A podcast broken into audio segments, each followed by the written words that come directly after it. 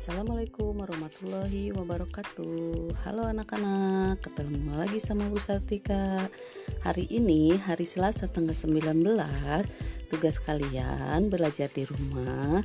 Seperti biasa Berdoa dulu sebelum belajar. Setelah itu kalian mengisi majalah. Jangan lupa hafalan surat Al-Humajah ayat tujuhnya dihafalkan ya Terus kerjakan halaman LKS-nya. Setelah selesai, kalian bisa mengerjakan tugas e, membuat prakarya.